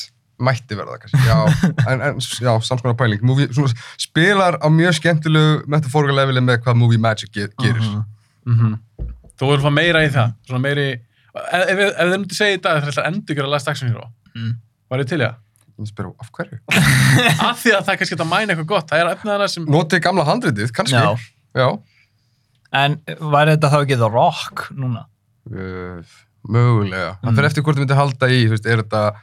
Oh my god, þetta er Vin Diesel. Ha, Þetta er þið Vin Diesel. og, hann, og, hann, myndi- og, hann, og hann myndi ekki fatta að hann er djókurinn. Nei! Hollywood, make this happen. hann myndi ekki fatta muni ekki örgulega líta rosalega töff út, þar ég að fá standinn minn. Nei, nei, þú mútt líta rosalega vel út. Við, við erum að segja það. en Svarsnegur var alveg með þetta hvernig mynd það var í Já, hann var líka komin í komingina þessum tíma. Hann vildi alveg vera að fyndin. Ég meina, hvað var ekki Junior svo rétt aðna eftir á Kindergarten Cop var Twins. þing. Twins, ég mitt. En hann var alveg, það var gaman að sjá hressan Svarsenegger. Og þetta er alveg, þú veist, hann, hann er góður í mynd. Schwarzenegger er líka svo góður þegar hann er self-aware af því hann veit bara hversu cool hann er. Mhm. En hann gerir það ekki obnoxious. og hann fær að vera svolítið allt saman, skilju, fær þess að fake trailer það sem hann er að vera excessive ykta Schwarzenegger, svona erketýpan, Já. svo ertu með hann einmitt mýgri og svo ertu með hann grafalólega það í lokin og svo fær líka sætanda bonding momenti Já. millir hans og, og hérna, mömmunar nei, nei, Ásti, á, hérna, mömmu hans hvað heitir hann? Ástin og Bræ Ástin og Bræð, er, það Michael 2 krakkin? Já, segja. það er Michael Ok. 2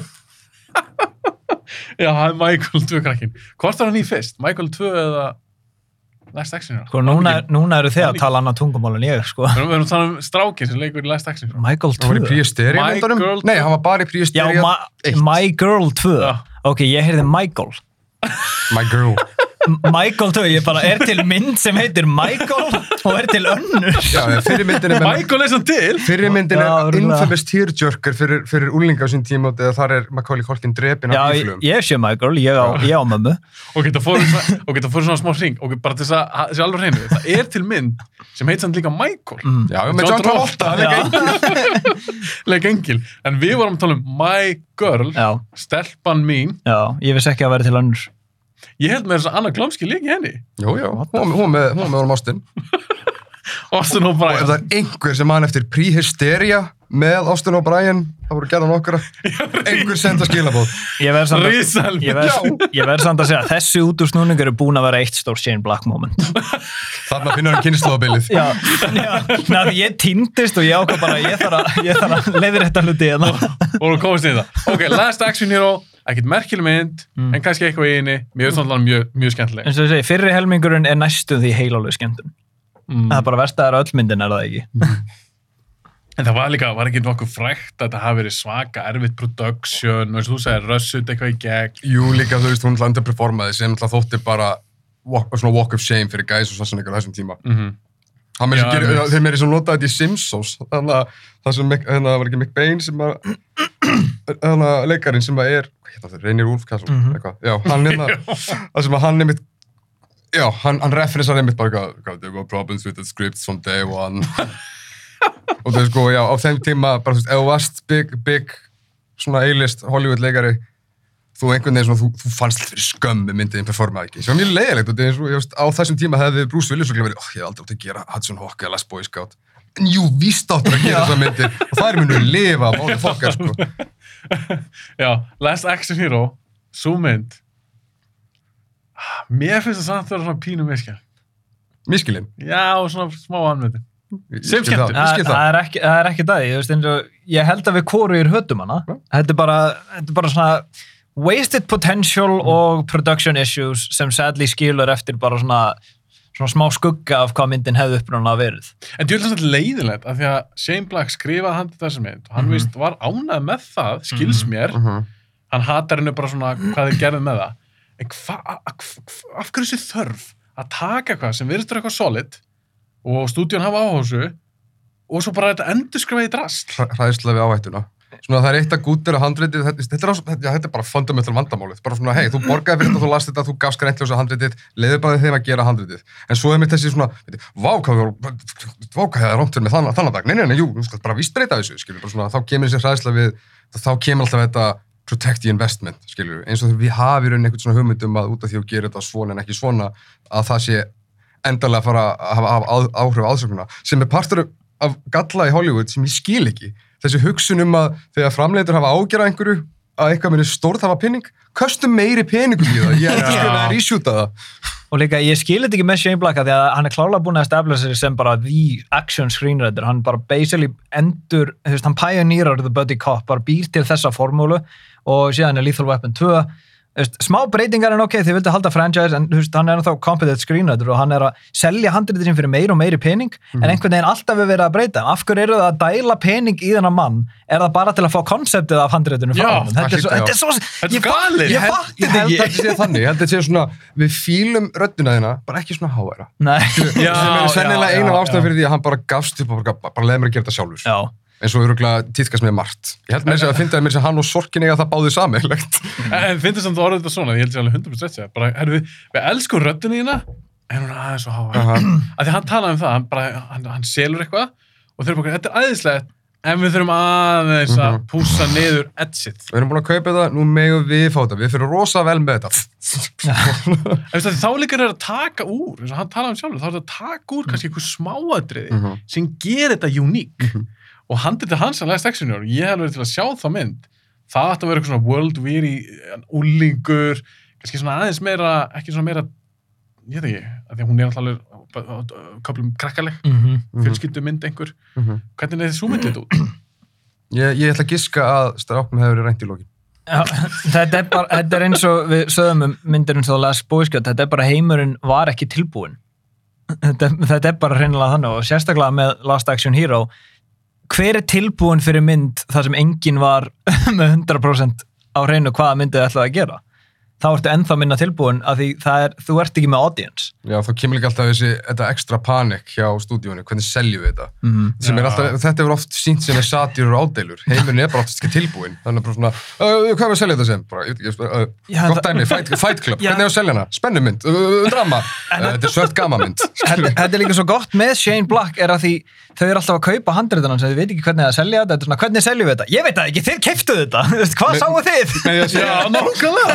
Nei. Nei, þeir mjólkuðu í allan að tíma frá Handisöndi Lethal Weapon, Handisöndi Já. Lethal Weapon og hún alltaf var monster. Já, En svo gera hann ennþá, ég hef horfði á trailin aftur að, að Kiss Kiss Bang Bang komum Mm. betur að henni eftir.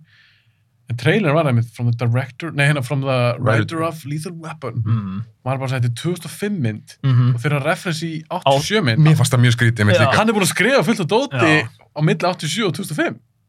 En það er bara ekki eins og referensa. Nei, nei, nei, nei, nei. Mér finnst það mér svo skrítið sko, sem einmitt á þeim tíma þegar, sem- þegar Kiss Kiss Bang Bang kemur í bíó, það bara svona, maður bara fór á allt, skilur en ég var alveg pepp fyrir þessari mynd. Svo einmitt, já, ma- það var mjög mikið fókus á þetta, ég bara byrju, skrifa hann ekkert annað en milli.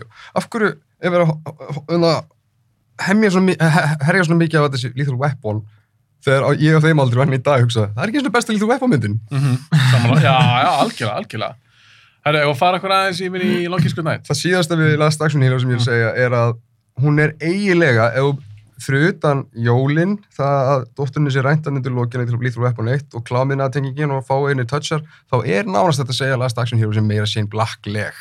Út af því að þú veist, það tekur díalógin í fyrstu Lethal Weapon, þetta er svolítið discount black, skilju. Mér finnst já. þess að þeir hafa bara einhvern veginn svona, svona, ég veit ekki, skafað af díalógnum alveg rosalega, skilju. Þannig að eftir er hann svona aðeins meira basic. En sérst í Last Action Hero líka, Nei, það. uh, í Lethal Weapon er líka. Mér finnst svona eins og vantir já, meiri, svona, meira, meira bit. Mm Ég er sammála.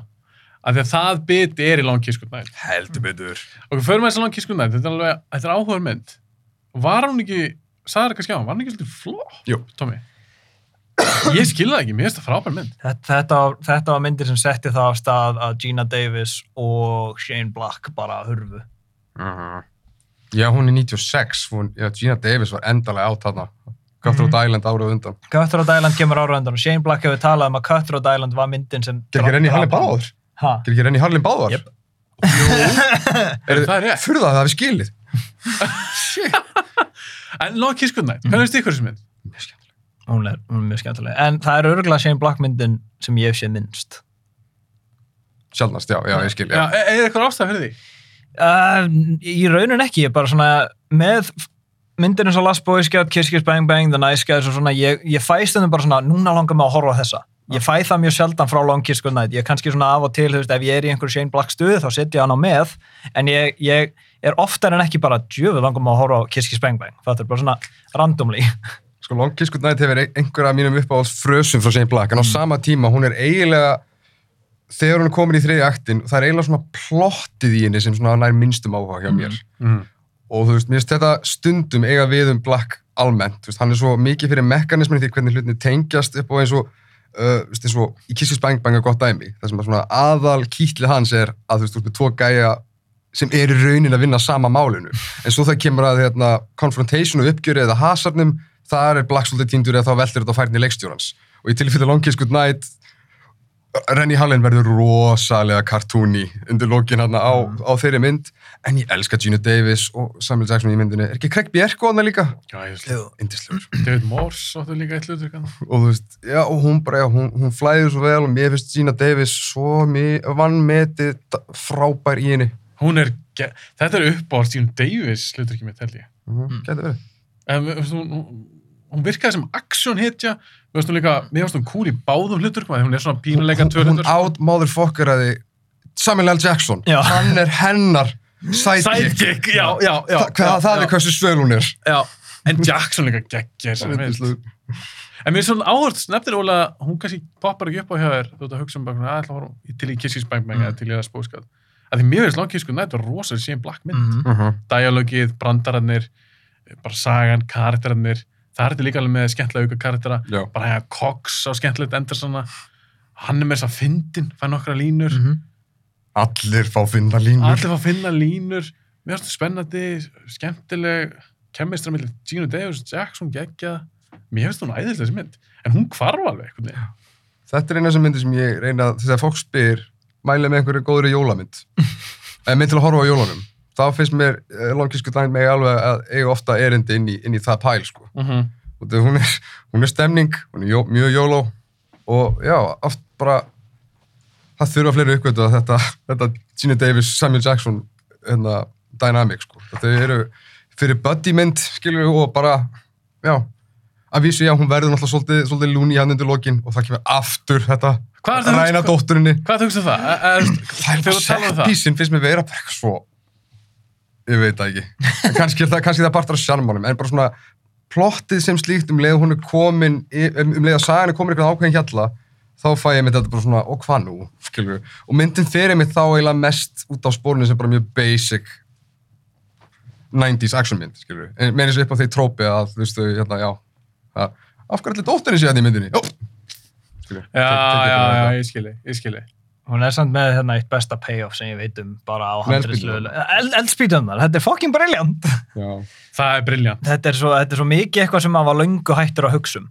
Mm Að, því, að því Gina Davis sjálf datt þetta ekki eins og í hug. Og maður var bara svona... Nei, og dóttirinn kemur, mamma, hérna eru eldspinnunar. Já, já. bara sem þú gafst mér í byrjunum á myndinni. Já, maður var alveg hættur að hugsa. Því hún lætur að fá eldspinnunar svo getur kveikt á kerti, Mm var það ekki, eitthvað svo leiðis. Og hún setur í gifsi sitt, hún var í Já. gifsi stelpan, -hmm.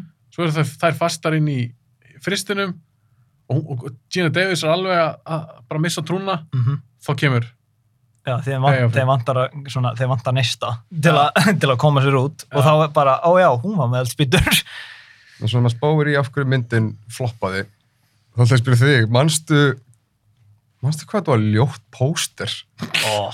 Með ónáttúrulegu löngu leggi Gina Davis sem leitið svo Photoshop-slis á ræða vídeolegunni var alltaf þetta svona, að bíómynd, bíómynd, ah, vá, þetta póster. Þau bara það tvö saman á hvítu, þetta gati ekki lúka meira boring, sko. Og, þú nefnir lappirnar á að leggina Gene Davis. Manstu eftir þessu? já, ég maður með setja þetta í- hún kemur út, hvað er 96? Já, Já, ég er 13 ára.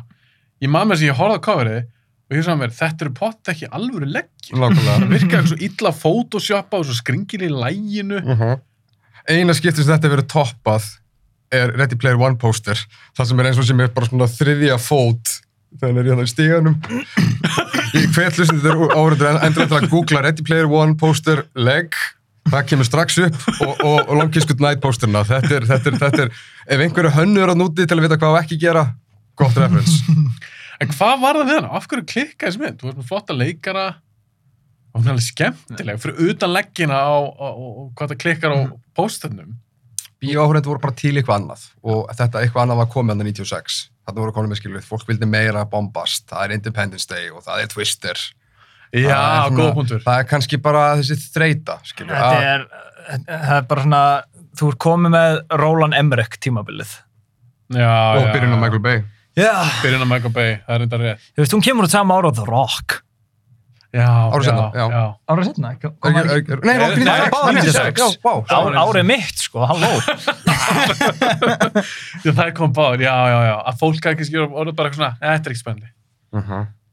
En er þetta kvöldmynd? Já. Það hlýtur að vera, já, já. Það er einhver leiti. Já. Það Finnst er- ykkur fólk tala um þessu mynd, svona í kringum ykkur, ykkur aðra nörda og...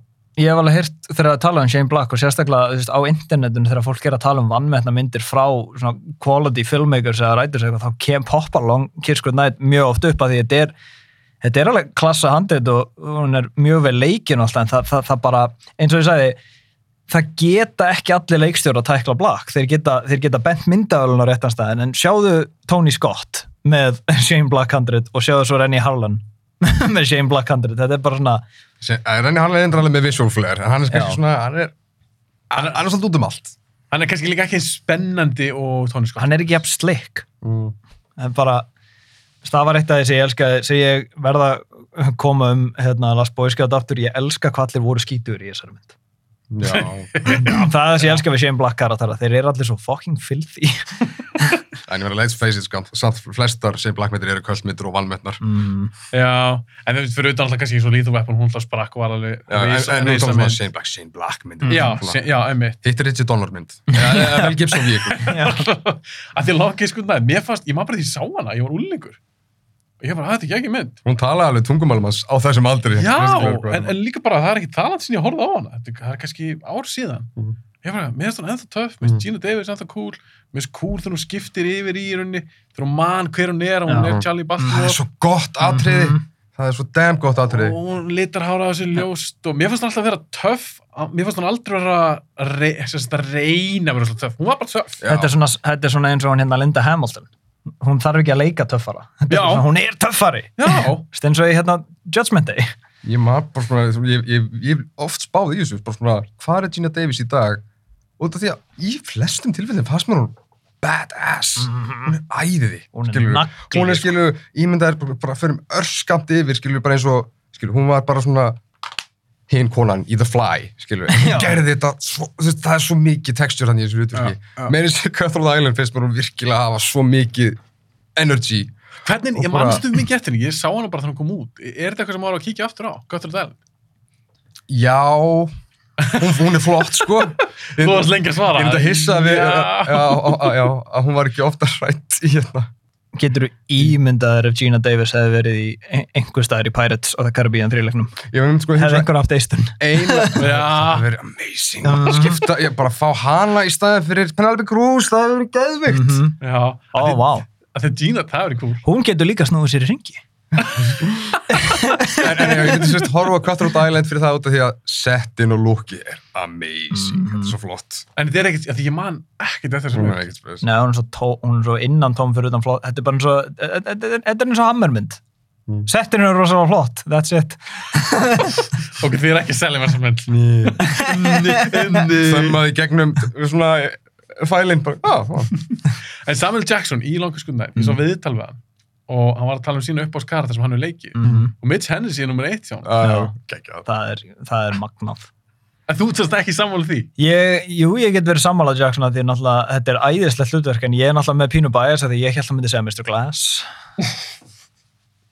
Þú ert alltaf unbreakable fan, döð. Já, Elijah Price er svo ógeðslega núast karakter við erum ekki hér Til þess að tala um tala um hann hann. Stoppu mig En, en, en þú, Tommy, þegar Samuel Jackson, mm. Er alltaf hans skoðun, maðurinn lék alla þessa karakter og þetta er hans uppáhalds. Fyrir þeir sem áhörandi, Mhm. fattar þú smá hvað hann á við eða ertu bara eitthvað svona, hæ? Ég tenkst að Mitch Hennessy, Já. allan daginn.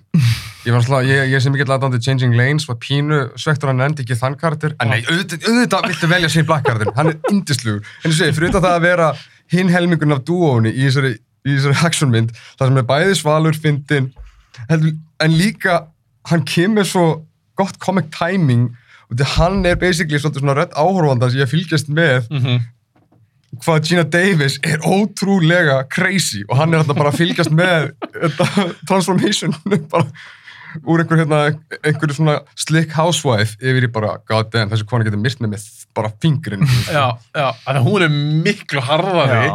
heldur en Hennessy. Já, og þetta er það sem gerir þetta svo skemmtilegt að því ég hef talað um Sam Jackson Jackson er skemmtilegastur þegar hann fær rosalega juicy karakter til að leika elskar svona, yeah, hvað, you have any questions? Yeah, what's the weather like on your planet? Já, Hann, á bara svo, hann er svo góður að leika perplexed og baffled í þessari mynd veist, uh, Brian, er já, Brian Cox kemur hann til að útskjara sögutræðin og hann er þetta bara gargandi bara, í hvaða mynd er ég stattur en hann er bara svo fyndin og hann er svo, svo sjarmirandi í þessari Mhm. mynd oh my god, hann fyrir fullt af góðu lín, línum veistu, þegar hann teiknar, teiknar önd á blað. That's a duck, not a dick og hann, Brian Cox segir þess og bara heldur þetta sé eitthvað típi sem hann teiknaði og bara svipun á Jackson, minnst hann æðislur.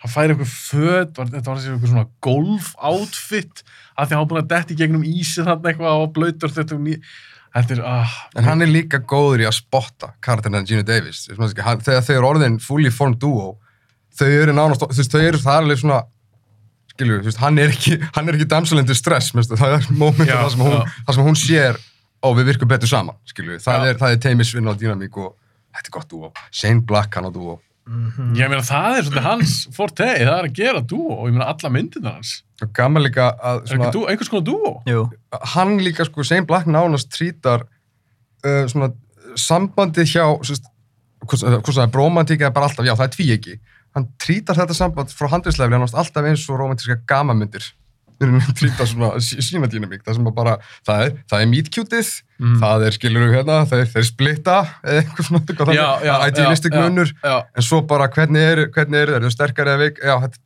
það er eitthvað svona í þessu allavega sem að, hann, hún er allavega, og meiri sér því að mér finnst plottin verið svolítið svona book í myndunum hans, það er alltaf karaktervinnan sem stendur upp úr, eiginlega það er alltaf. svo máli, hann skrifa svo skemmtilega karakter mm.